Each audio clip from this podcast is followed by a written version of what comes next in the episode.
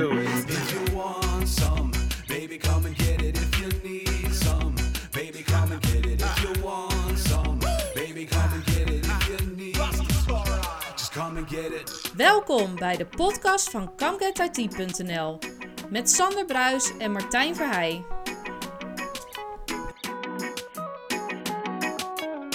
Get IT aflevering nummer 35 alweer met eh, als onderwerp moderne authenticatie, Sander. Dat werd tijd. Dat werd tijd, hè? Ja, nee, het is, ik bedoel, we zijn ons al een, een ongeluk aan het modern authenticeren al een tijdje. Maar we hebben het nog niet, helemaal niet over gehad. Nou, we over hebben de veel onder- gehad, over van alles. Ja, we hebben veel onderwerpen gehad over, eh, maar moderne authenticatie in de COVID-tijd eigenlijk nog niet. Nee. Eh, een beetje ondergeschoven kindje misschien wel. Zitten, zitten we nog in COVID-tijd? of? Nou ja, ik eh, verdien er nog steeds mijn brood aan. Oké, nou dan eh, bij deze. Eh, en ja, het leuke daarvoor is, we hebben daarvoor twee gasten zelfs uitgenodigd. Dat Dus, werd ook weer eens tijd. Dat werd ook weer eens tijd en Ja. dat kon ook weer. Ja, zeker. Eh, en eh, ja, om precies te zijn hebben wij iemand uitgenodigd die meer dan 15 jaar ervaring heeft in de automatisering. Na het afronden van een loopbaancoaching de overstap gemaakt naar een nieuwe uitdaging in een technische commerciële functie. Ervaren met automatisering op het gebruikersniveau van Microsoft Office en Windows. Eh, motivator, doorzetting, een eh, ja, analytisch vermogen, teamplayer, stressbestendig, innovator. Wat hij allemaal nog meer heeft, gaan we nog meer achterkomen. Maar daarnaast zit naast eh, hem iemand waar ik heel, heel weinig informatie op LinkedIn over kon vinden. Ja, maar Die is even- zo goed verborgen op het internet. Laten we even, want we, hebben- we zitten tegenover Remco Kiviet en... Juist, eh Sjaak Koekoek. Ja, en jij En, bent zo, eh, je hebt jezelf zo goed afgeschermd van de buitenwereld... dat we inderdaad helemaal niks over je konden We vinden. konden geen data een stukje van je vinden. Is dat bewust? Ehm, nou ja, misschien wel. Nee, Ja. helemaal niet. Nee? Oké. nee, nee, nee, Je vindt gewoon LinkedIn gewoon dat- geen... nee, dus ja, het hele verhaal over Remco was heel interessant. Ik denk dat het moeilijk is om dat voor mij zo Oh, aan elkaar te ja, ja. knopen. toch toch ben ik even benieuwd, Sjaak. Ja. je, hebt 15 wel, eh, je hebt wel een mooie radiostem. Heb je daar in het verleden mee? Zeker. Daar heb ik ja. ook nog wel eens altijd mee gedaan. Ja. Ja, ja, Ja. klopt ja. Maar dat is, dat is niet echt mijn carrière geweest. Ik heb ehm, die 15 jaar van Remco, dat overtref ik wel. Oké. Ja. Maar eh, met name in commerciële functies. Ehm, hardware, software. Bij eh, resellers. eh, met name bij fabrikanten de afgelopen jaren. Ehm, bedrijven als McAfee, Sophos. Ja. Dus dat aan de security kant. Ik ben er vrij laat mee begonnen.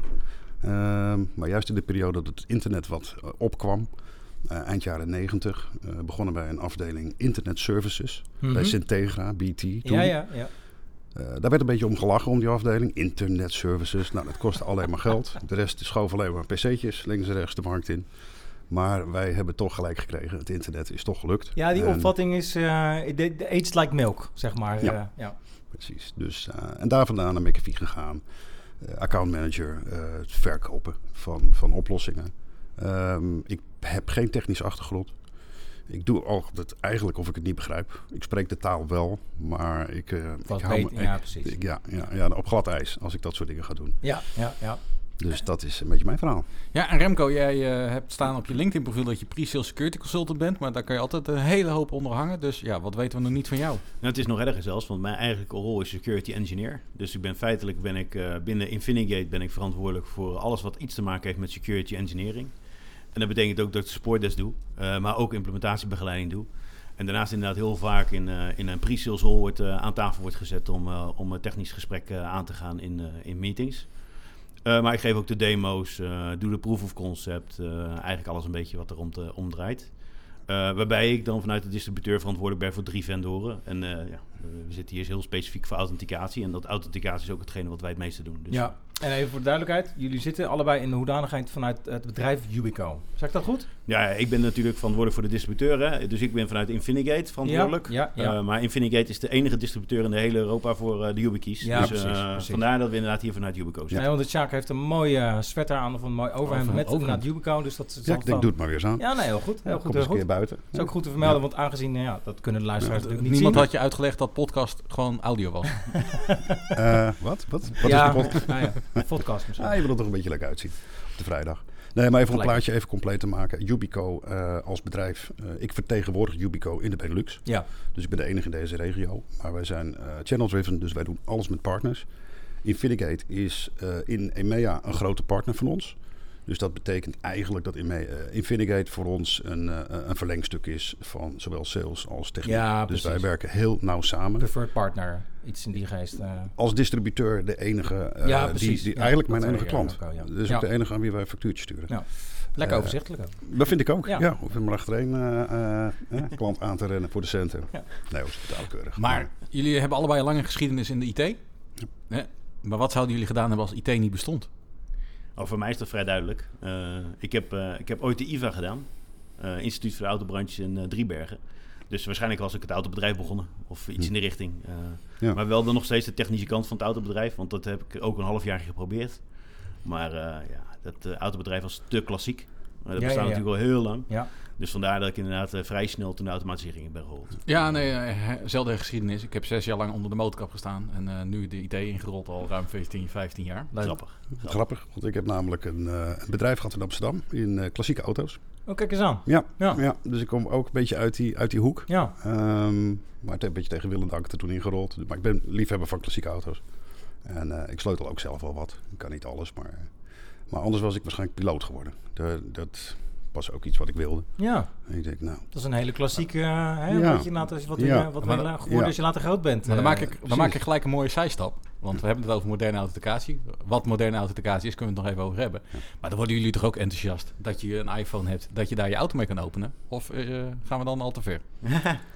Waarschijnlijk niet je klassieke auto trouwens, denk Nee, ik. nee, Nee, ja, ja, maar je moderne, je, je moderne auto kun je Ja. tegenwoordig met de laatste versies van eh, je iOS kun je toch wel met je horloge kun je hem al openmaken. Ja, dat klopt, ja. ja. Maar dat is een beetje in dezelfde categorie als dat je eh, keyless entry kreeg in een auto. Daar was ook iedereen super enthousiast over. En uiteindelijk wordt iedere auto ermee gejat. Dus het is een beetje... Ja, mijn autosleutel ligt thuis ook in een aluminium bakje, dat klopt. dat is heel verstandig. Mijn, eh, mijn broer heeft van de week eh, mogen ervaren hoe het is als je bij je auto komt. Je doet de deur open, je denkt waar is mijn stuur en mijn dashboard. Ja. Ja. Ja. keyless ja. entry. Ja. Ja. Dus, eh, maar wat jij zegt inderdaad, ja, zijn we er nog niet zover dat we met een, met een iPhone de auto open doen. Ja, ik moet er eerlijk gezegd niet aan denken, ik vind het niet zo handig. Maar dat is, dat is puur persoonlijk. En eh, ik denk dat dat met authenticatie ook een beetje het verhaal is. Ja, Eh, want, want wat, wat verstaan we dan onder moderne authenticatie? Ja, daar zijn we heel erg benieuwd naar. want wat daar jullie- kun je ook verschillende opvattingen over precies. hebben. Zeker, zeker. Nou, als ik het moet samenvatten, denk ik dat een, een moderne authenticatie is een authenticatie die voor de gebruiker in ieder geval heel makkelijk is en toegankelijk. Ik denk dat dat eh, de user experience, om maar zo'n mooi Nederlands woord te noemen, heel belangrijk is. Eh, daarnaast eh, het kostenplaatje is, is van belang. Als we kijken naar oudere omgevingen met smartcards en dergelijke, dat is toch vrij complex. Ja. Passwords, met password reset. eh, ehm, eh, al dat soort, soort omgevingen kost gewoon veel geld. Dus het kostenplaatje ook. En eh, security, om, om eh, maar even een eh, buitenplaats te noemen. Zeker. Met, met alles wat er gebeurt op het moment afgelopen jaren. Is het denk ik van belang dat moderne authenticatie handig is om te gebruiken. Beheersbare kosten. En veilig is en voldoet aan de, aan de regelgeving en aan de verwachtingen die, die we nu hebben. Dat is voor mij moderne authenticatie. Maar dat kan verschillende vormen hebben. Zeker, En absoluut. eh, heb je ongeveer een idee? Want ik kan ook voorstellen dat we mensen hebben die luisteren naar ons. Ja. eh, die denken van moderne authenticatie, ja, dat zie ik als een MFA-applicatie. Bijvoorbeeld, ja. Bijvoorbeeld, maar eh, het kan ook veel verder zijn. Nou ja, MFA staat natuurlijk voor multifactor authenticatie. Dus dat, dat wordt een beetje gebezigd als een begrip van... We hebben Microsoft MFA, dat is een product. Ja. Maar het is Hm. natuurlijk een begrip, MFA. Precies, ja. Wat op veel dingen van toepassing is. Ehm, er zijn eh, manieren van authenticeren. Als we bijvoorbeeld kijken, maar misschien kan Remco daar ook iets meer over vertellen... over het passwordless, hè, wat op het moment Ja. helemaal bezig is. Nou, dat is dan helemaal een hype. Maar ik denk dat je goed moet begrijpen wat het betekent. En, maar daar zitten wel moderne protocollen achter. Yubico is ooit begonnen eh, met een OTP-stickje. Wat het makkelijker was, eh, eigenlijk kon je een one-time password genereren... Precies, door ja. de YubiKey aan te raken. Eh, van daaruit is de gedachte ontstaan, misschien moeten we iets, iets ontwikkelen eh, wat makkelijk is, wat voor iedereen te gebruiken is en wat het hele internet veiliger maakt. Nou, klinkt een beetje mooi, maar dat is wel het streven geweest en dat is eigenlijk nog steeds. En eh, toen is eigenlijk een, zijn er nieuwe protocollen ontwikkeld. Eerst Universal Second Factor, in overleg met Google is dat ontwikkeld. En nu zijn we zover dat eigenlijk het hele password helemaal niet meer aan de orde is. En dat we kijken alleen maar naar eh, wat we nu protocol FIDO 2 noemen. Ik denk Ja, dat het voor de gebruiker allemaal niet zo interessant is. Voor de techneuten overigens wel. Ja, ik ken het. Ik ken Want dat is, dat is de achterliggende structuur. En dat is een moderne authenticatie, vind ik. En dat is de kant waar iedereen op wil. Eh, veel partijen, technologiebedrijven, zelfs Apple heeft zich daarbij aangesloten. Ook in de FIDO Alliance. Daar zitten Mhm. niet alleen techbedrijven in, maar ook grote financials. Nederlandse banken onder andere. Eh, ook onze concurrenten. En eh, dat is de weg die we bewandelen. Maar dat staat nog een beetje aan het begin. Dus het is, het is een combi van zaken, denk Nou, ik. Het is wel grap- Grappig dat je dat zei over Apple en de FIDO Alliance. En we hebben eh, in een van onze eh, afleveringen op locatie bij de Info Security Beurs... hebben we een spreker gehad die zei op dat moment dat Apple nog niet bij de Alliance. Ja. Dus dat is recentelijk gebeurd dan, denk ik. Ja, Ja, nog sterker. Eh, in de nieuwste Apples is tegenwoordig FIDO gewoon een standaard. eh, Kijk, eh, precies. Dus precies. ja, Ja. Dus ze zijn uiteindelijk ook overstag gegaan, we maar Zeker, zeggen. Ja. zeker. Maar daar ben ik wel even benieuwd, want we noemen al modern. Maar waar komen wij in hemelsnaam met betrekking tot authenticatie van vandaan? We zijn begonnen met gebruikersnaam en wachtwoord, maar eh, je haalde al even smartcard aan. Kan jij er wat over vertellen, Remco? Ja, 1960 zijn we begonnen met een gebruikersnaam wachtwoord. Dus dat is echt al heel lang geleden. Dat is nog voordat überhaupt internet bestond. Ja. En ehm, eh, ja, gedurende de looptijd eh, zie je inderdaad wel dat er eh, steeds meer eh, eh, eh, eh, eh, op basis van certificaten werd gedaan. En dat was eigenlijk al in 1980 werden we met certificaten werden we eigenlijk aangevallen. Certificaat is vrij complex. Hè. Je moet dan inderdaad een certificaatserver optuigen en dan moet je certificaten gaan uitdelen aan medewerkers. Ja. En, nou ja, bij banken zie je dat heel veel dat ze met van die pasjes werken en dat het een passysteem was. Ja. Maar dat werkte eigenlijk niet als je vanaf thuis wilde werken. Dus vanuit thuiswerken werkte op basis van OTP. Dus dan zag je die RSA-tokens, zag je die codes langskomen, moest je een codetje overtikken en dan werd je ingelogd. ja. En dat zie je dan steeds verder doorontwikkelen. Nou, en dan zie je inderdaad dat een, een, een vendor als Google die zegt van ja, ik wil die authenticatie eigenlijk in een browser hebben zitten. En vanuit dat punt kan je de webpagina veel makkelijker ontsluiten. Nou, dat zijn die stappen geweest voor de FIDO Alliance. En daar staan we dan eigenlijk nu met Microsoft, die dan gewoon gezegd heeft, ja, dat wat Google bedacht heeft, dat is leuk. Maar we willen het eigenlijk helemaal wachtwoordloos kunnen doen. En daarom is er inderdaad tegenwoordig het moderne authenticatie. Eigenlijk zijn dat die stapjes die in de loop der tijd hebben doorlopen. Dus, eh. Maar wat voor problemen loop je dan tegenaan? Want dat moet ook geïmplementeerd worden. wat voor problemen loop je dan tegenaan in een standaard business case of een standaard use case eh, op dat, ge- dat gebied? Nou, wat we het meest zien eh, is dat je een combinatie van protocollen nodig hebt. Ehm, eh, het FIDO-protocol is echt een web-based applicatie. Daar is Ja. is het ontwikkeld. Ehm, dus voor alle webapplicaties die we op dit moment gebruiken, kan je prachtig FIDO gebruiken. En dat is ook geen enkel probleem. En dan hebben we dit inderdaad over de Office 365 suite met alle applicaties die eronder liggen. Precies, ja. Ehm, gaat één stapje verder bij Microsoft. Want Microsoft heeft het keurig niks tegenwoordig ook in de, eh, in de Windows 10 eh, eh, omgeving zitten. Dus je kan ook tegenwoordig autoriseren op je werkplek. Maar desalniettemin zie je toch hè, dat je nog onderliggende applicaties hebt die via andere protocollen communiceren. En daar heb je een IAM-achtig platform voor nodig. En in veel gevallen kan het een Microsoft-platform zijn, maar in sommige gevallen moet het gewoon een derde zijn. Dus ja, dan moet je daarmee gaan samenwerken. Ja, Dus als je gaat kijken naar implementatie, eh, ligt de basis ligt in het, in het eh, inventariseren wat voor type applicaties ken ik nou, hoe gebruikt de medewerker nou die werkplek, de endpoint device, en op basis daarvan moet je dan nog gaan vaststellen welk protocol je het best kan gaan gebruiken. ja, maar dat is op basis van de gebruiker. Ik, ik weet uit eigen ervaring dat er nog veel eh, applicaties zijn die ook nog niet heel goed omgaan met moderne authenticatie. Die moeten dan weer op exceptielijstjes gezet worden, et cetera, et cetera. Gaat het nog lang duren, denk je, voordat dat op een gegeven moment ook echt allemaal... eh, want simpelweg, ik zou zeggen, als hij het niet ondersteunt, weg ermee. Of is het niet zo simpel? Ja, er zijn 900 plus applicaties die we op dit moment ontsluiten met FIDO. Hè, dus er zijn er best wel aardig wat. En daar zitten heel veel ja, zeg maar tussenapplicaties bij. Dus Ja. eh, we zien heel veel combinaties met andere software die we eigenlijk gebruiken voor die ontsluiting van die, ja, die applicaties die we dus niet kunnen ondersteunen. Ja. Dus denk aan een Okta, hè, die we heel veel mee samenwerken. Of eh, een Entrust oplossing. Of eh, nou ja, het maakt niet zo heel veel uit. Maar je ziet heel veel vendoren die er omheen eigenlijk bewegen. Die wel die link hebben gelegd met die legacy applicatie en daar eh, iets in ontsluiten. En Ja, jij bedoelt ja. dan echt specifiek die legacy applicaties die nog een eigen user store hebben met erin gebruikersnaam en wachtwoord. Ja, die simpelweg alleen maar met een gebruikersnaam en wachtwoord heel ouderwets inderdaad, eh, nou ja, noem maar, moeten mailen of noem het maar op. Maar inderdaad dus gewoon niet die mogelijkheid hebben om op een moderne manier te zeggen te authenticeren. En dan moet er dan allemaal ja, iets wat kunst en vliegwerk voor af toegepast worden, omdat waar, waar ik eigenlijk benieuwd naar ben, want we horen al jaren van hè, over legacy applicaties in zijn algemeenheid van nou ja, daar moet je afscheid van nemen. Ze zijn er nog steeds. Ja, en gaat ook geen afscheid van nemen. Nee, Dus, eh, nee, dat vermoed ik dan inderdaad. Ja, Maar dat is, dat is ook onze uitdaging overigens hoor. Samen met onze partners. Hè. Eh, je komt eh, nooit ergens een greenfield tegen dat het helemaal fantastisch is. En iedereen zit in de cloud en het Ja. is allemaal FIDO. Dus dit is een proces. Hè. We zien wel heel veel eh, applicaties die nu geschikt gemaakt worden. Dus iedereen die gewoon in de markt bezig is met zijn volgende versie, et cetera, die ziet wel, dit is the way to go. Ja. We willen dit gaan ondersteunen.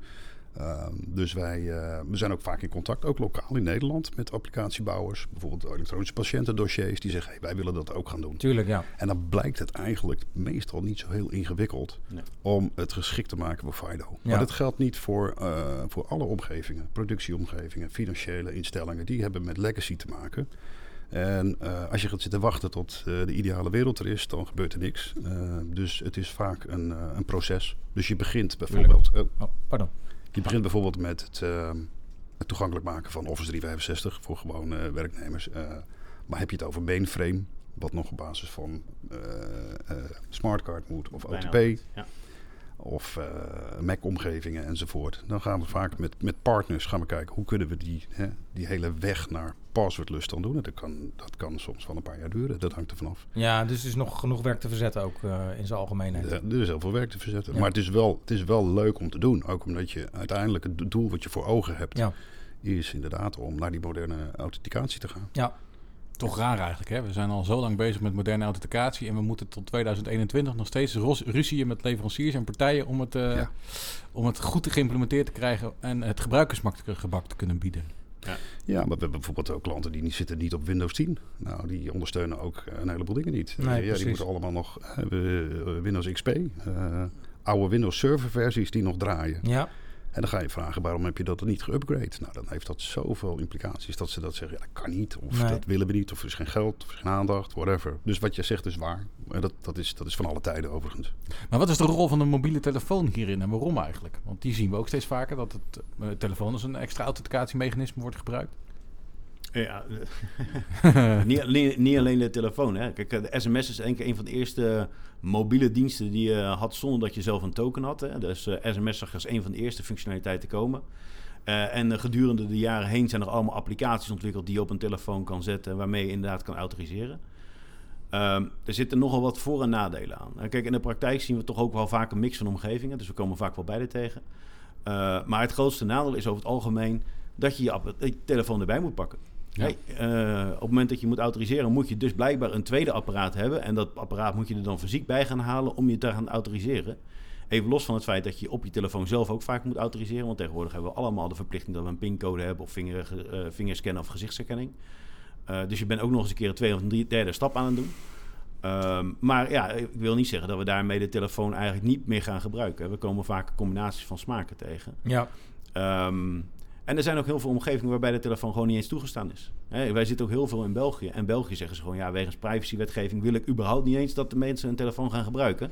Want er zijn twee dingen die nadelig zijn met een telefoon. Eh, punt 1, het 06-nummer moet geregistreerd worden. ja, dus dat is privacy issue. Eh, en punt 2, alle apps die je installeert op je telefoon, die vragen of ze toestemming mogen hebben om Hmm. jouw telefoon te mogen uitlezen. ja, En als je die privacywetgeving leest, of het nou van Google is, of van Microsoft is, of al is het van een derde, zelfs van Ubico, die vragen wel degelijk of ze toegang krijgen tot je telefoontoestel.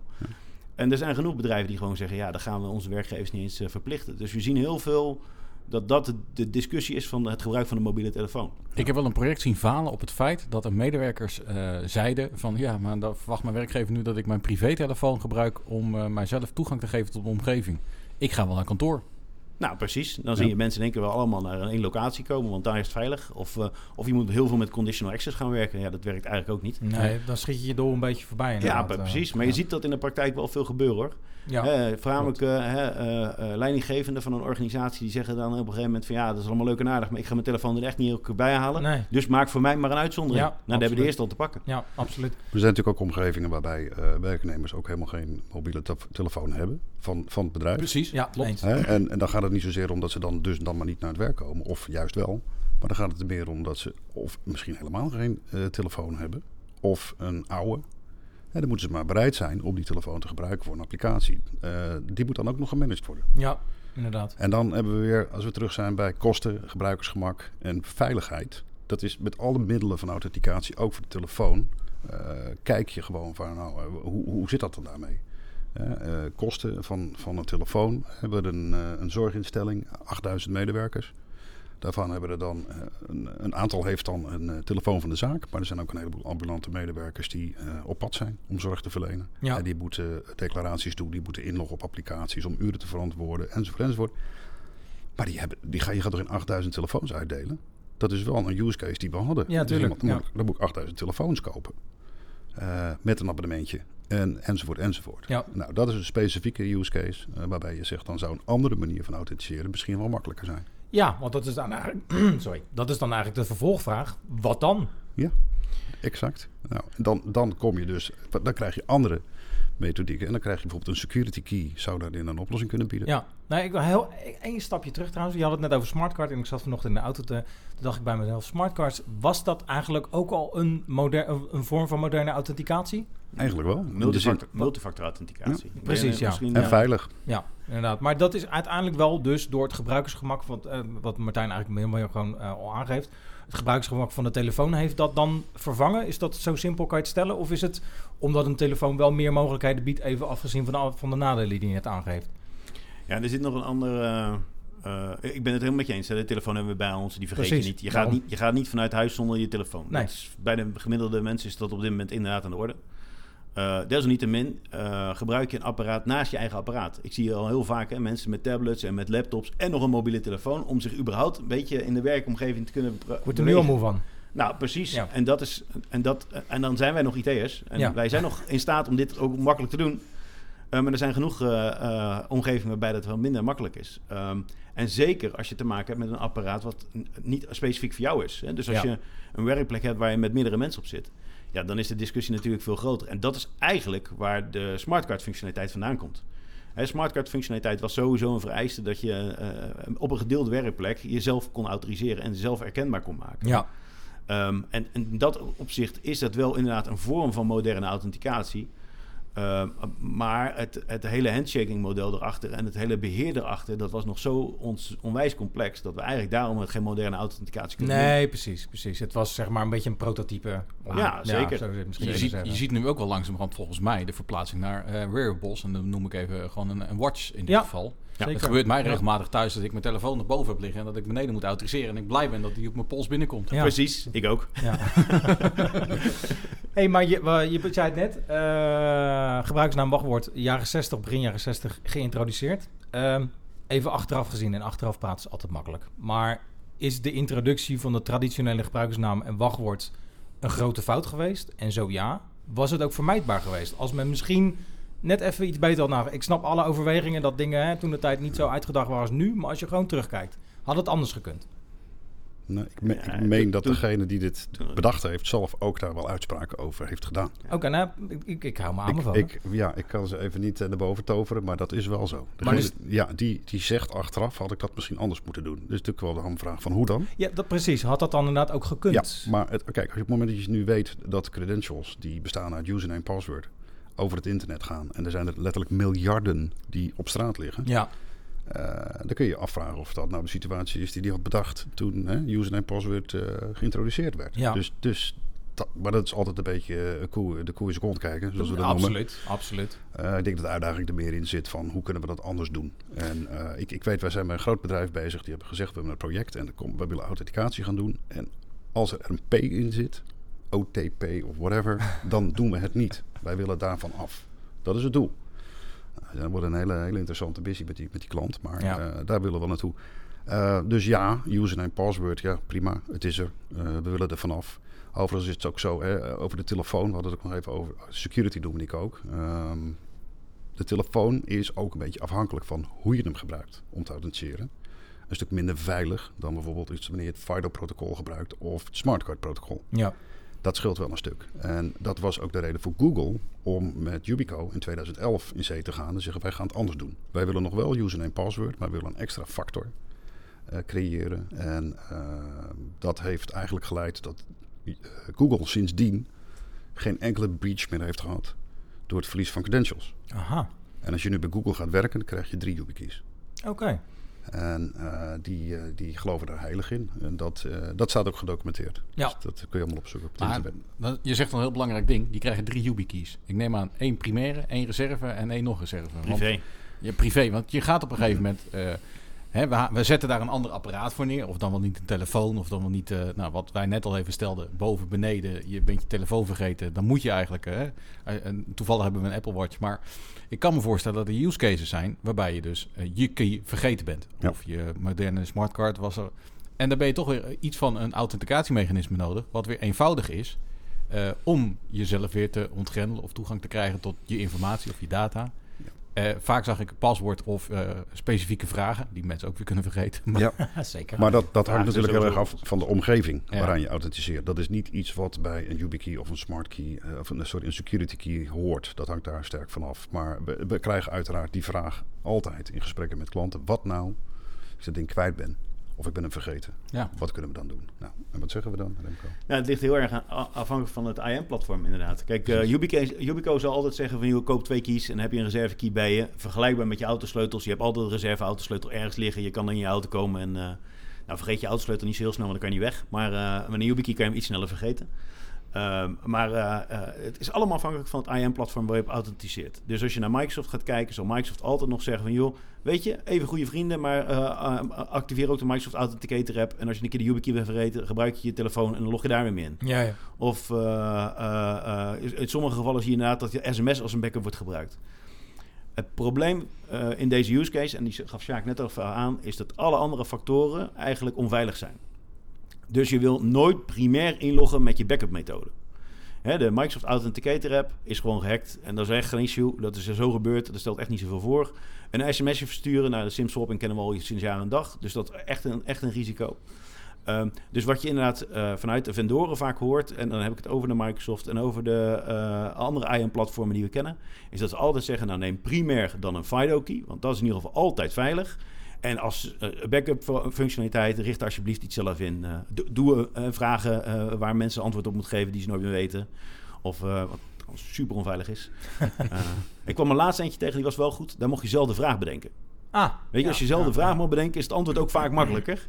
Maar meestal als je de vraag krijgt, dan denk je achteraf, joh, dat had ik hier nou ooit ingevuld, dat weet je nooit meer. Nou, dat is een beetje ook het probleem. En Toevallig heb ik een luxe password manager waarin ik dat soort vragen dan wel gewoon keurig netjes, netjes invul met inclusief het antwoord. Want die vergeet je gewoon. Want ja, Ja. eh, de simpele eh, Apple eh, ID-herstelling moet je met simpele vragen doen. Nou, die heb je ooit ergens in 2013, eh, misschien wel 2011 een keer Precies. ingevuld. En je Ja. weet die antwoorden niet meer. Nee. Dus ja, uitdaging. Ja, het advies is zelfs, hè, als je vanuit security oogpunt kijkt, is eh, beantwoord de antwoorden ook met je password manager. Ja, die is inmiddels ook zo slim eh, Ja. om daar antwoorden op te geven. Precies. En Ja. dan heb je het eigenlijk daar ook in gebo- eh, geborgd. En dan is de backup is er feitelijk ook je password manager. Of dat nou de way to go is in de praktijk, hè, dat is natuurlijk maar de vraag. Maar eh, ja, je moet Maar- iets. Maar we hebben het, nou ja, het woord paswoord, eh, wachtwoord komt heel vaak voorbij. Maar als ik nou jullie gewoon op de man vraag, wat is er nou nodig om die traditionele gebruiksnaam en wachtwoord echt de nek om te draaien? Hè, je hebt bij wijze van spreken, je, hebt, eh, je bent koning van eh, IT-land. En nou ja, zeg het maar.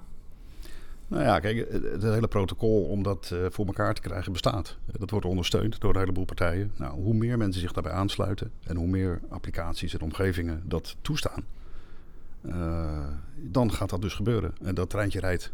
Maar dan zeiden we dat tien jaar geleden ook niet al? Nee, ja, waarschijnlijk wel. Wij in ieder geval wel. Ja, dat geloof ik. Ja, Ja. eh, dus, Maar eh, waarom zijn we er dan niet? Nou, omdat je op een gegeven moment ook de steun moet hebben. Als je een wereldstandaard neer wilt zetten, dat kan alleen als de grote jongens daarmee Ja, eens zijn. absoluut. En eh, op het moment dat je natuurlijk een Google, een Microsoft en een Apple mee hebt. Ja, We zien het in Amerika nu ook. Hè. De, de, de regering heeft ook gezegd... wij willen dat alle overheidsinstanties eh, op hoge veiligheid gaan autoriseren.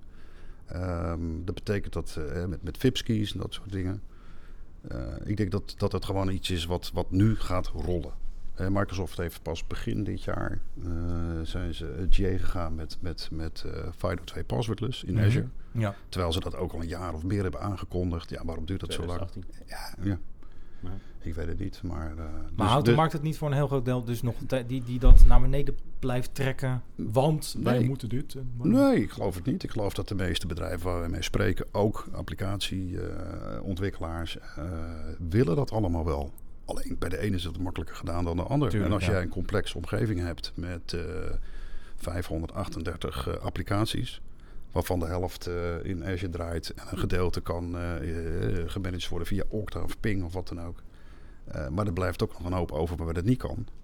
Nou, dan, dan duurt dat een tijd. Ja, maar, Maar, wij, wij, zien geen bij, wij zien in ieder geval niet weerstand ertegen. Nee, dus je de ziet- wil is er. je ziet dus wel de spreekwoordelijke licht aan de tunnel. Ja, Eh, steeds dichterbij komen Zeker, inderdaad. zeker. Ja. Nou, wat je voornamelijk ziet, hè, is dat al die vendoren die zich gericht hebben al die jaren tijd op eh, het ontsluiten van legacy-applicaties op een, op een wat modernere manier. Hè? Ja. Of je nou naar Citrix kijkt met een Netscaler, of dat je naar Microsoft gaat kijken, of dat je hè, eh, Workspace 365, of al die partijen die, ziet, die daar een, een gulden middenweg spelen, die hebben eigenlijk allemaal FIDO ge- eh, geadopteerd. Dus daar zit de FIDO-functionaliteit zit er al in.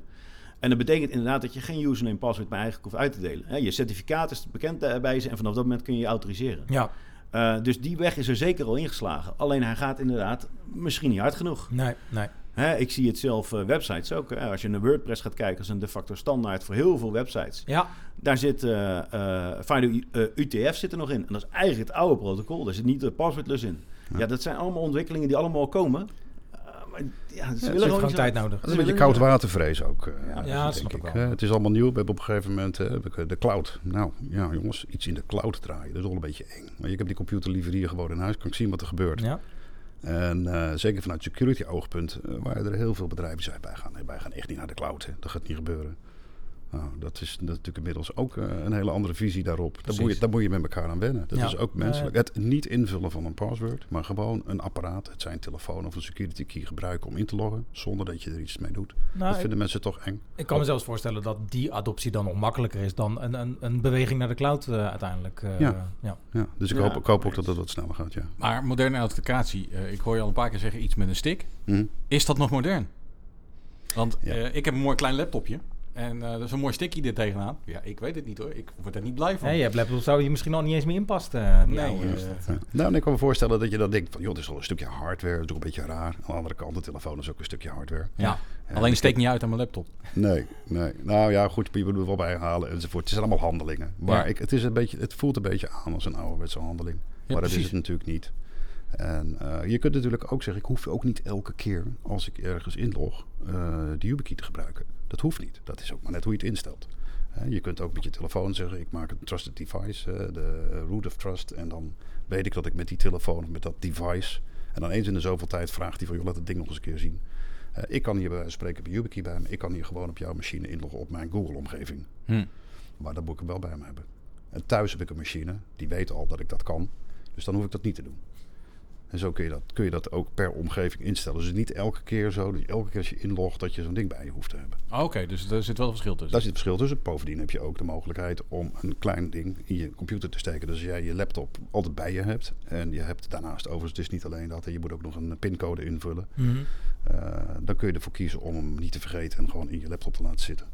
Nou, we zitten hier ook meer voor het evangelie van het FIDO-protocol, denk ik, dan van een fysiek een USB. Zeker. Ja, zeker, ja, ja, ja. Alleen Ja, hij wordt wel je- genoemd natuurlijk. Hè? Ja, ja, ja. En, eh, de use case die ik vaak meemaak is gewoon van waarom zou ik een, een fysiek apparaat moeten hebben terwijl eh, softwarematig eh, ook iets wordt aangeboden wat mijn security specialisten veilig genoeg vinden. Eh, en dan in dit geval een, een protocol wat Microsoft eh, netjes aanbiedt. Jij Ja. zegt ook het is te hacken. Toevallig las ik kort geleden nog een artikel waarbij het Auto-Discover protocol nog steeds eh, eh, groot, één groot lek is. Eh, ga je ook niet voorkomen. Maar, eh, eh, dus, maar dat is een beetje de use case. Hè? Wij als techneuten komen aan tafel en wij zeggen... nou, je moet het met zo'n stick doen. Maar ja, dan, dan begint het verhaal. Ja, maar ik heb een telefoon en daar kan ik op drukken. Dan komt mijn authenticatieverzoek binnen. Die moet ik even een keer met mijn gezicht ontgrendelen. Dat is toch een hele lastige use case. Voor jullie zeker, want Microsoft mouwt het ding zelf in eigen beheer. En jullie zijn in principe dan een derde Ja, en, vaak, en wat, wat, wat Martijn zegt, vaak worden dingen geadopteerd omdat ze goed genoeg zijn. Ja. Kunnen Precies. we zien in het Ja, verleden. en dat, dat, zal, de- dat zal ook eh, het zal uitwijzen of dat zo is. Ik denk dat ook daar de trend in wel verandert. We zien zo verschrikkelijk veel breaches. We zien zoveel eh, ransomware overal. En als je dan gaat kijken, meestal is het niet altijd bekend waar het vandaan komt. Maar het misbruiken van credentials is daarbij wel een... eh, Hmm. Ik geloof in 80% van de gevallen is dat de oorzaak. Ja, En dan moet je afvragen, oké, hoe komt iemand dan aan die credentials? En hoe kom je dan binnen? En Ja. dan hebben wij het meer over het protocol. Dat je zegt, ja, op het moment dat je natuurlijk een applicatie, een push-applicatie op je telefoon gebruikt, die opgevangen kan worden, dan is dat al een overweging om erover na te denken, is het veilig genoeg? ja, Ja. ja. Dus ik ben wel met je eens, je moet ook altijd overwegen, is het veilig genoeg? Maar er zijn ook zaken, er zijn bedrijven die zeggen, joh, ik, ik heb, vind het prima voor mijn eh, standaard medewerkers.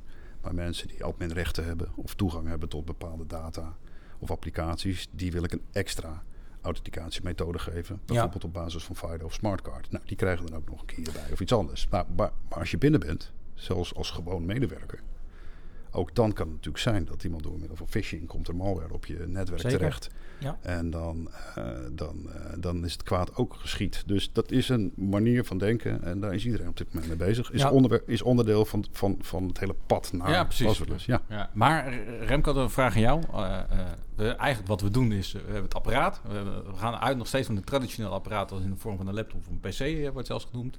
Waarbij je dan een USB-stickje of iets mee kan autoriseren. Maar eh, inmiddels zie je ook steeds meer het gebruik van iPads of smart eh, tablets gestimuleerd worden. En eigenlijk, eh, zo'n telefoon ook, is eigenlijk voor mij ook gewoon een klein mini-werkapparaat.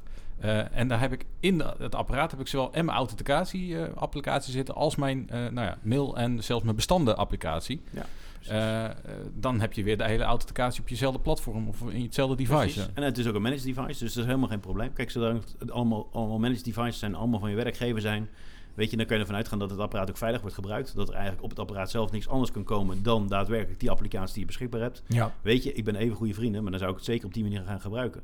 Nog sterker, ik gaf al aan, hè, Apple heeft het nu ook FIDO ondersteund. Ja. hè, en, eh, eh, en dat doen ze omdat juist in de iPads, de nieuwe iPads, daar kan je bijna niks aansluiten of aan verbinden. Dus je zou het niet eens vanaf buitenaf kunnen aanbieden. Dus je zou het eigenlijk in het apparaat zelf willen hebben. Ja. Hè, de TPM-chip is er een van de voorbeelden ervan. Zonder de TPM-chip hebben we op dit moment nog steeds geen security op werkplekken. Hè, dus die is eigenlijk een beetje vergelijkbare technologie als de FIDO-technologie is.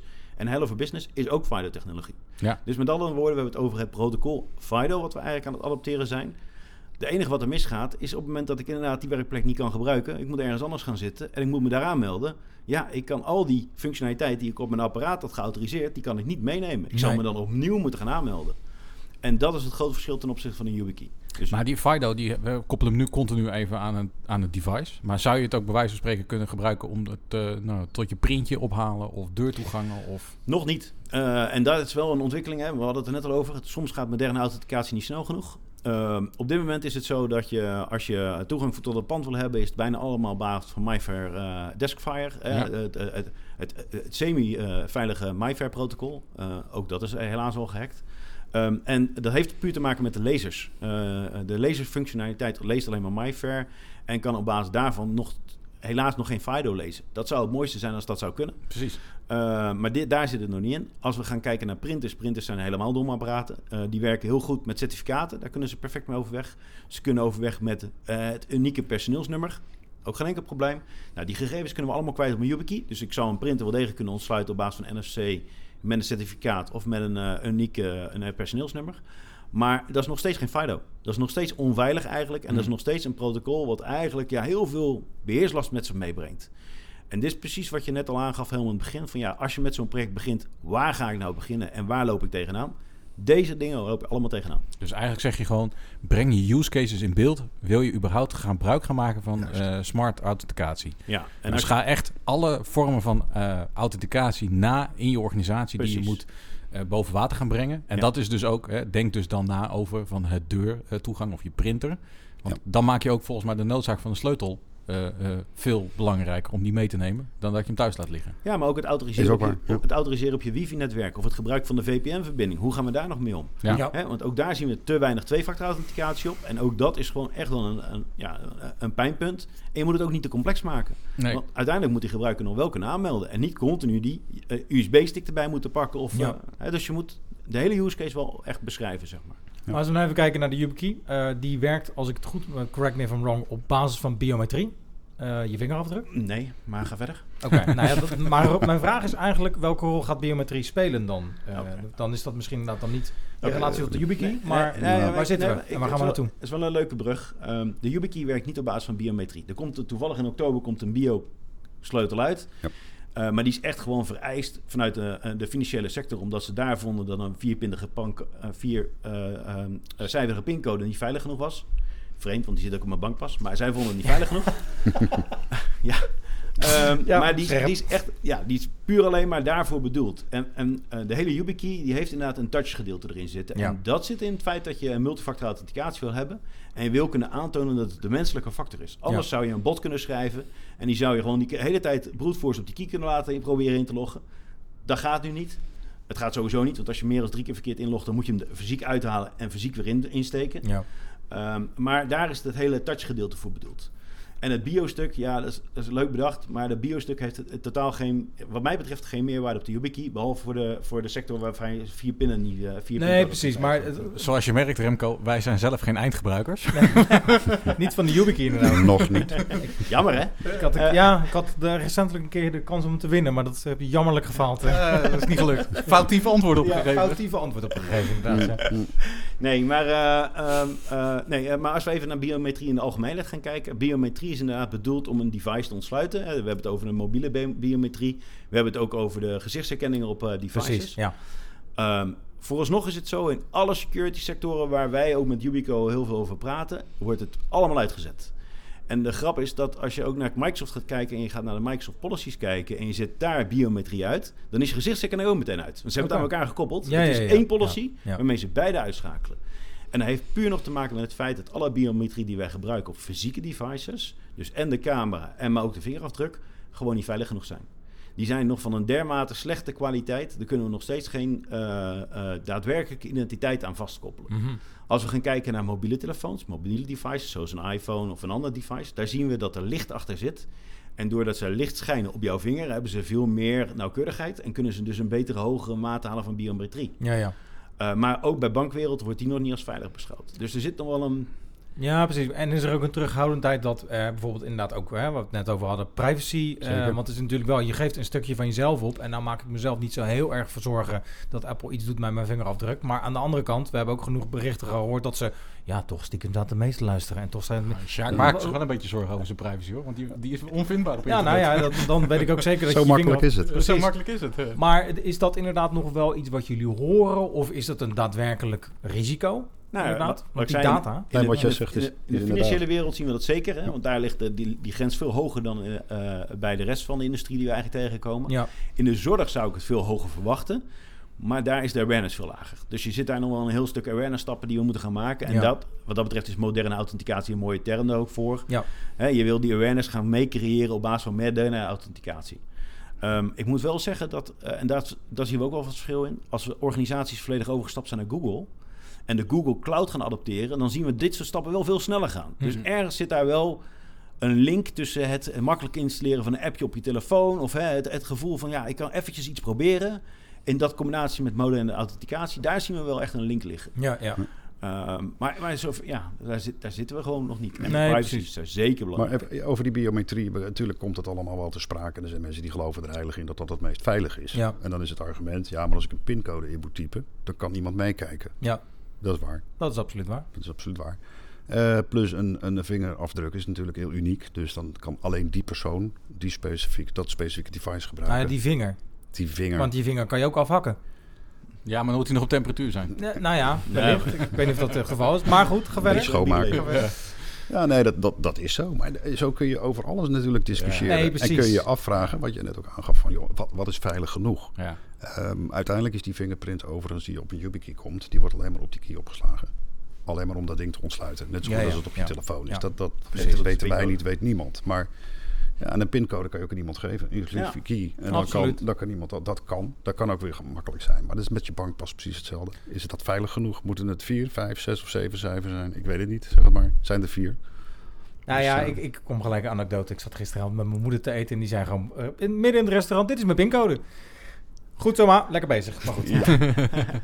Ja, maar je komt Nou ze ja. nog steeds tegen, toch? Die Absoluut. paswoordbriefjes aan de beeldschermen. Oh, dat is Oh, precies zeker. wat ik bedoel. Zeker, zeker. Ja, in het kader van awareness. En dat is denk ik ook het belangrijkste.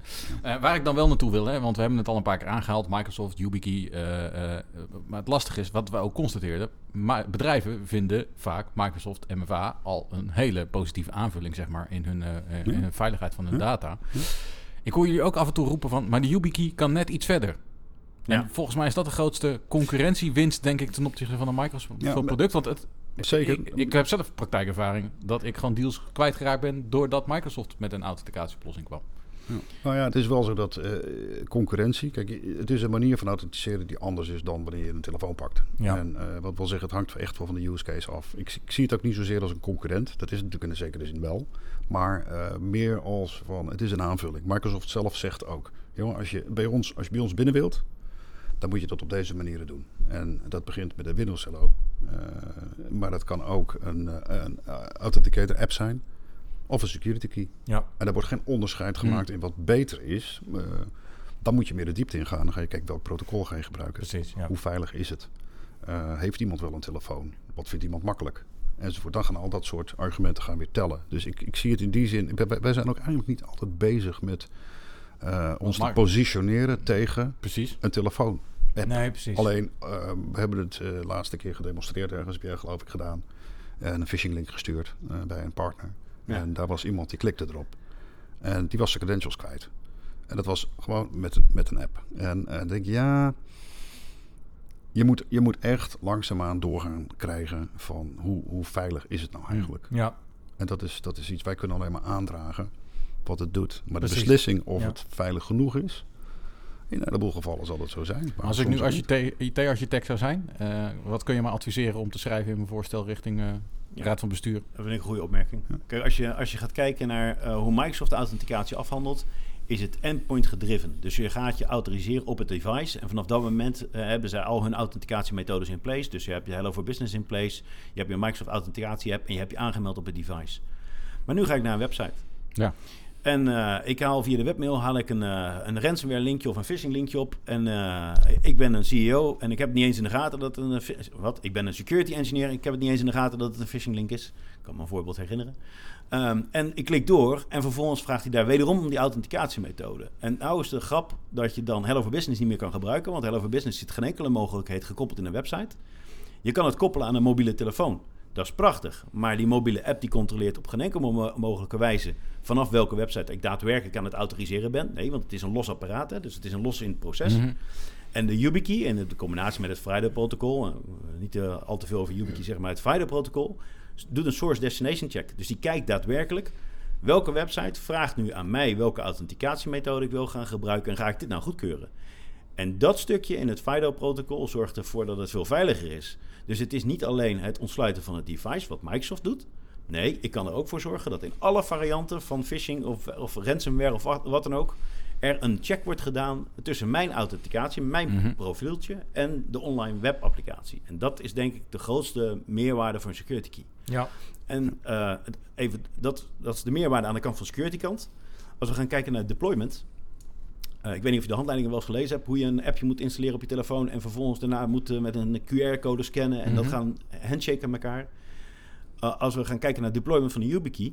De eerstvolgende keer dat jij op een webbrowser terechtkomt waarbij de YubiKey gevraagd wordt, dan zegt hij meteen: Oh, bied je YubiKey aan. Je biedt hem aan. Je geeft je pincode voor de eerste keer in als die nieuw is. Of anders heb je een pincode. En vervolgens ben je geautoriseerd. Dat hele eh deployment-proces is ook nog eens een keer eh, drie keer sneller dan dat je het eigenlijk met een traditionele app zou moeten doen. Maar de grootste uitdaging en de grootste calls load die binnenkomt op een eh, service desk is... ik heb mijn telefoon, ik heb een nieuwe telefoon opgehaald... ik heb mijn backupje teruggezet uit iCloud... En ik kan niet meer autoriseren. Ja, precies. Mijn app doet het niet meer. Ja, nou, uit de lucht is niet meer nodig. Is niet meer nodig. Nee, want je hebt de YubiKey gekoppeld en die YubiKey die blijft hetzelfde. Of je hem nou in de wc laat vallen of niet. Ja. er zijn er genoeg Ja, die dat ook Zolang doen. je niet spoelt, je haalt hem er weer uit, doet hij het ook gewoon. Ja, doet het gewoon. Geen probleem. Ja. Cool. Kijk, cool. Eh, ja, dan heb ik nog één, één hele leuke vraag. Want dat is... eh, eh, we hebben het alleen maar over zakelijk gehad. Eh, we konden Sjaak al amper vinden op, op het internet. Maar toch, hoe ben je in je privéleven bezig met überhaupt dit... eh, hè? Ja, en hoeveel last hebben jullie eh gezinsleden daarvan? gezinsleden hiervan. dat is een goe- dat is een goeie, ja. Ik heb, eh, ik heb mijn vrouw een YubiKey gegeven. Eh, helaas, eh, zakelijk mag ze hem niet ontsluiten. Want haar werkgever is inderdaad nog in, eh, in de, de, ja, de ouderwetse authenticatie bezig. Ehm, eh, maar privé gebruikt ze hem voor haar Google-account en voor LastPass. Dus zij heeft haar volledige authenticatie afgehandeld met de YubiKey. Eh, nog grappig is dat mijn zoon, die is sinds dit jaar, of vorig jaar begonnen met, eh, met de middelbare, eh, eh, verplicht een groenboekje van de zaak. En, Ah ja, eh, Van school. van school. Ehm, nou, natuurlijk uh, meteen op twee-factor authenticatie gezet. Maar ja, in de klas mag je je mobiel niet meenemen. Dus die heeft ook een YubiKey. Ehm moet ik zeggen dat hij me heel weinig hoeft te gebruiken. Want wat Sjaak al terecht zegt, zijn Chromebookje is geautoriseerd. Dus vanaf dat moment heb je eigenlijk de YubiKey alleen maar nodig... op het moment dat je ergens anders aanmeldt. Hm. Ehm, maar ook hij gebruikt LastPass daarvoor. Ja, dat is wel echt een manier om dit te doen. Eh, de adoptie is daar een stuk makkelijker in. Ja. Ik heb mijn moeder nog niet zo ver. die heb ik er wel in gegeven. Maar eh, ja, die eh, zit in een andere wereld. Die zit nog in het Excel-documentje waar ze wachtwoorden in onderhoudt. Oh, ja, Oh, dat is al een stuk verder dan mijn moeder. Pinnetje.xls. Ja, Precies. Ja, precies. Ja. Eh, en die heeft ze dan wel met een wachtwoord beveiligd. Eh, maar eh, Ja, je moet, je moet ergens beginnen. Eh, maar eh, ja, dit is wel vanuit de privéwereld inderdaad heel erg sterk zo. Eh, ik heb zelf meerdere YubiKeys op dit moment in gebruik, omdat ik gewoon wel merk dat ik zoveel credentials kwijt wil op mijn YubiKey, dat het dat op een gegeven moment ook niet meer gaat. LastPass doet veel voor mij, maar ik heb eh, toch nog heel veel websites waarbij je toch echt een extra YubiKey nodig hebt om eh, te autoriseren. Dus eh, hey, Bitcoin Wallet of eh, Hm. hey, hey, hey, Microsoft credentials in, in de ene tenant en in de andere tenant. Ja, precies. Je Ja. zit binnen mijn tijd zit ik op 32 accounts, dus, Ja. eh, en daar Ja. zit ik dus met meerdere keys op. Dus, Ja. eh, Ja. Nou, ik doe het allemaal wat, wat rustiger aan. ik, heb, ik gebruik mijn YubiKey voor mijn zakelijke omgeving uiteraard. eh, voor G Suite.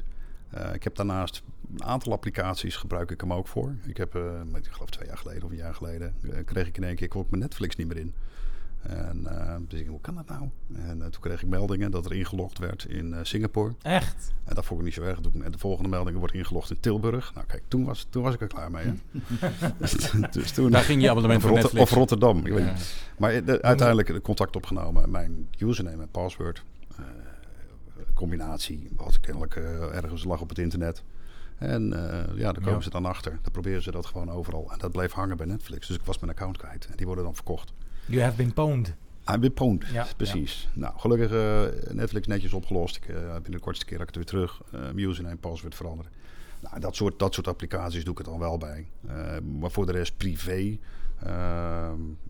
Wel awareness creëren. Ik heb een dochter, eh 17, die heel erg bewust is van wat er binnenkomt, wat er niet binnenkomt, wat ze ermee moet doen. Mijn vrouw doet dat ook.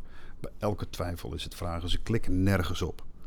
Dat zit er bij ons al van, eh, van eh, jongs af aan in. Ja, en dat is eigenlijk ook de basis. Als ik het, hè, als het gesprek... Ja, Uiteindelijk dat is het vind de ik, basis. wel- dat Ja. vind ik wel. Dat is Ja. even persoonlijk. Ik denk dat eh, ik vind dat op scholen meer awareness mag gegeven worden voor het wachtwoordbeleid. Ja. eh, Want als ik zie, mijn dochter van zes krijgt een opdracht van school, eh, doe het thuis.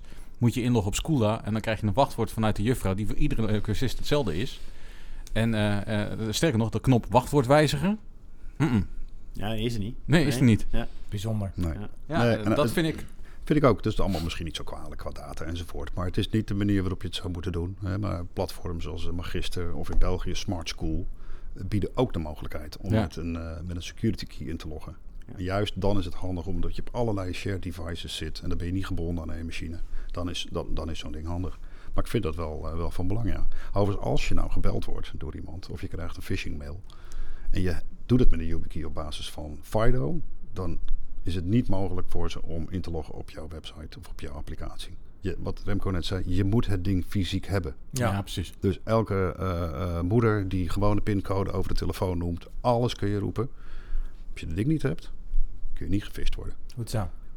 Eh, Maar jij zei even eh, heel. ik- Je kan maar 32 paswords of iets Ik- in die geest opslaan. 32 credentials opslaan. Dat was het. En dat woord. zijn FIDO credentials. Hè? Dus eh, Oké. als je 32 unieke credentials hebt, dan, eh, dan zit je aan je limiet van je key. Dan zou je er een tweede key bij moeten gaan gebruiken. Maar dat, heb, dat gebruik je dan in combinatie omdat je in verschillende tenant-omgevingen Precies. Ja, precies. Oké, want ik zit al. eh, voor mij staat alles in OnePassword als mijn passwordmanager. Mij ook. Is voor mij heilig. Ja. Is ook het enige applicatie die niet met een eh, Face ID of eh, moet ik iedere keer het paswoord voor intypen. Of Lastig. maar-? Kan je ook een key voor gebruiken. ik hoor net dat ik er. eh, Ja, maar die past niet in jouw Mac. Eh, dat geeft niet, die heb ik ook niet. Precies. En ik hoorde net, eh, ik hoorde dat eh, recentelijk alles USB-C moet worden, dus ook mijn telefoon. Ook gehoord, ja. Eh, dus eh, nee, ja, eh, helder. Maar dat, dat was even voor mij een trigger van hoe kan je dat een hemelsnaam bereiken. Maar eh, op die manier dus. Ja, precies. Goed bezig met in ieder geval eh, databescherming eh, in je privéleven. Dan komen we op de laatste. En dan Ja. zijn er drie vragen. En die mag je zelf kiezen. De envelopvragen. Ik ga hem zoals gewoonlijk weer uitleggen. Ik heb hier in mijn handen drie enveloppen. Daar Hmm. zitten drie verschillende vragen in die eh, misschien iets wat prikkelender zijn. Misschien iets weer op de persoon toegesneden. Ik weet ze even niet meer uit mijn hoofd, maar volgens mij zijn het hartstikke leuke. Dit keer hebben we twee gasten, dus we kunnen twee vragen. Dat vind ik heel erg leuk, dat we in plaats van twee enveloppen houden nu maar één overhouden. Dus ik zeg er, kies er één uit. Lees hem hard voor, eh, hardop voor en we zijn uiteraard benieuwd naar jullie antwoord. Ja? Oké, kom maar op. Ah. Spannend. Ja, ja, de afstand is toch nog te groot, merk ik op de tafel. anderhalve meter hebben we toch inderdaad. eh. Ja. Sjaak. Eens even kijken hoor. Oh, dit is niet zo moeilijk. Als ik een vorm van moderne authenticatie zou kunnen ontwerpen, zou het op basis zijn van. Nou, dat zou kunnen. Dat is wel heel belangrijk, maar ik kan dat natuurlijk helemaal Nee, niet. maar precies, maar inderdaad. Maar gewoon- ik, eh, ik, ik geloof eh, heel erg in eh, de- de weg die we nu al bewandelen. Het, het passwordless. En heel eerlijk gezegd, het protocol wat erachter zit, of dat nou Fido of Pipo heet, dat Ja. maakt mij eigenlijk niet zoveel uit. Dus ik, ik vind wel, zoals dat nu gaat, in de samenwerking met alle bedrijven op basis van, van, van browsers, denk ik dat dat the way to go is. Dus Duidelijk. dat zou, ja. Meer browsers naar de browser toe gaan in plaats van kla- klassieke applicaties. Nee, Ja, de klassieke applicaties moeten meer naar de browser gaan. Precies, Dan komt precies. het wel goed. Ja. maar je hebt Ja. niet inderdaad zoiets van, nou, ik zou eh eh, oorafdrukken bijvoorbeeld. Ik noem iets heel geks, weet je wel. Dat je dat, je dat zou willen introduceren. Nee, ik iets vind, geks. nee, nou ja, kijk, de combinatie van, van, van middelen die we nu hebben, eh, een telefoon of iets op je laptop of eh, een los device. Ik denk dat dat eh, bij elkaar de, de, lading wel dekt. Ja. Je zou niet 1, 2, 3 iets kunnen bedenken. Je, le- je leest wel eens inderdaad van dat soort rare dingen met Nou ja, schijnen ook heel uniek te zijn. Dus vandaar dat het bij mij te binnen schoot. Maar goed. Ja, maar als je vingeraf, precies, als je vingerafdruk uniek is, waarom zo? Ja, Precies. je oor ook. En zo zijn er nog wel meer dingen. Soms kunnen we ook een beetje te ver doorschieten. Dus ik denk dat de weg die nu ingeslagen is, wel, wel, de goede is. En het zal allemaal wel bijgesteld worden. De mensen die er meer verstand van hebben dan ik. Maar dit lijkt mij wel de way to go. Duidelijk. Duidelijk. Remco. Ja, ik vind het jammer dat ik deze vraag gekregen. Want ik ben nou erg benieuwd naar de derde vraag. Of die inderdaad echt wel een beetje prikkelend is. deze valt wel mee. Stiekem maak ik zelf nog gebruik van een aantal applicaties die geen moderne authenticatie ondersteunt. Nou ja. eh, we hebben het eigenlijk al zelf al geroepen. Hè? Eh, de wereld is nog niet zo ver. Nee. Eh, ik denk dat als ik op mijn telefoon kijk, dat ik daar drie applicatie-appjes op sta. Nee, vier zelfs applicatie-apps op heb staan om in een andere omgeving te kunnen autoriseren. Ehm, dus ja, ik gebruik het zeker nog. Ja. Ehm, het heeft puur te maken met de, de applicatielandschap is er gewoon nog niet helemaal aan toe. Nee, precies. Eh, plus, ik ben niet overal beheerder van. Anders zou ik er misschien wel een schil omheen bouwen en zou ik alles via één portal laten gaan. Ja. Eh, maar dat is gewoon niet zo. Ehm, dus, eh, en, en daarnaast, en dat is misschien de allerbelangrijkste, is dat ook ik een backup nodig heb. Ik vergeet hem ook nog wel eens. Dus Ja, er is altijd een workaround nodig. Nee, precies. Het is in zoverre dan niet prikkelijk voor jou inderdaad. Maar het is wel kenmerkend inderdaad precies wat je zegt voor de staat waar we nog steeds in verkeren. En hopelijk uit gaan verdwijnen nooit. Ja, zeker. Nou, en ik vind het fantastisch om daarmee af te sluiten. Ik, Ik ook. zou zeggen, eh, ja, Remco, Sjaak, jullie onwijs bedankt voor je Ja, komst. vond het heel erg leuk. Ja, Ja. Ik, ik wou nog even één dingetje doen. eh, Want ik hoor net dat je dus nog een wachtwoord gebruikt om je wachtwoordmanager te beschermen. Klopt. Dat, dat kan natuurlijk niet. Oh, dus ik heb kijk. hier voor jou. Kijk, Kijk. Dankjewel, ik word eindgebruiker. Voor jou, alsjeblieft. dankjewel. Dat, Dankjewel. eh, Doe er gewaardeerd. eens mee. Ja, gaan we zeker doen. ik zal die ene USB-poort die op mijn laptop zit. Krijgen we weer vragen over natuurlijk. Hè? Nou, je mag ruilen. Ja. Nee, komt goed. Dankjewel eh, eh, in ieder geval voor je komst. En Ja. ook eh, dankjewel. Heel leuk. Graag gedaan. Ja. Leuk. Ja. Ja, wij vonden het ook leuk. Ja. Eh, Sander, jij weer bedankt voor ook jouw komst. Jij ook man. En ik zou zeggen, eh, tot de volgende. Tot de volgende. Bedankt voor het luisteren naar de podcast van CamGetIT.nl. Wil je meer weten? Heb je vragen, suggesties of opmerkingen? Bezoek dan onze website www.camgetit.nl. If you want some, baby, come and get it. If you need some, baby, come and get it. If you want some, baby, come and get it. If you need,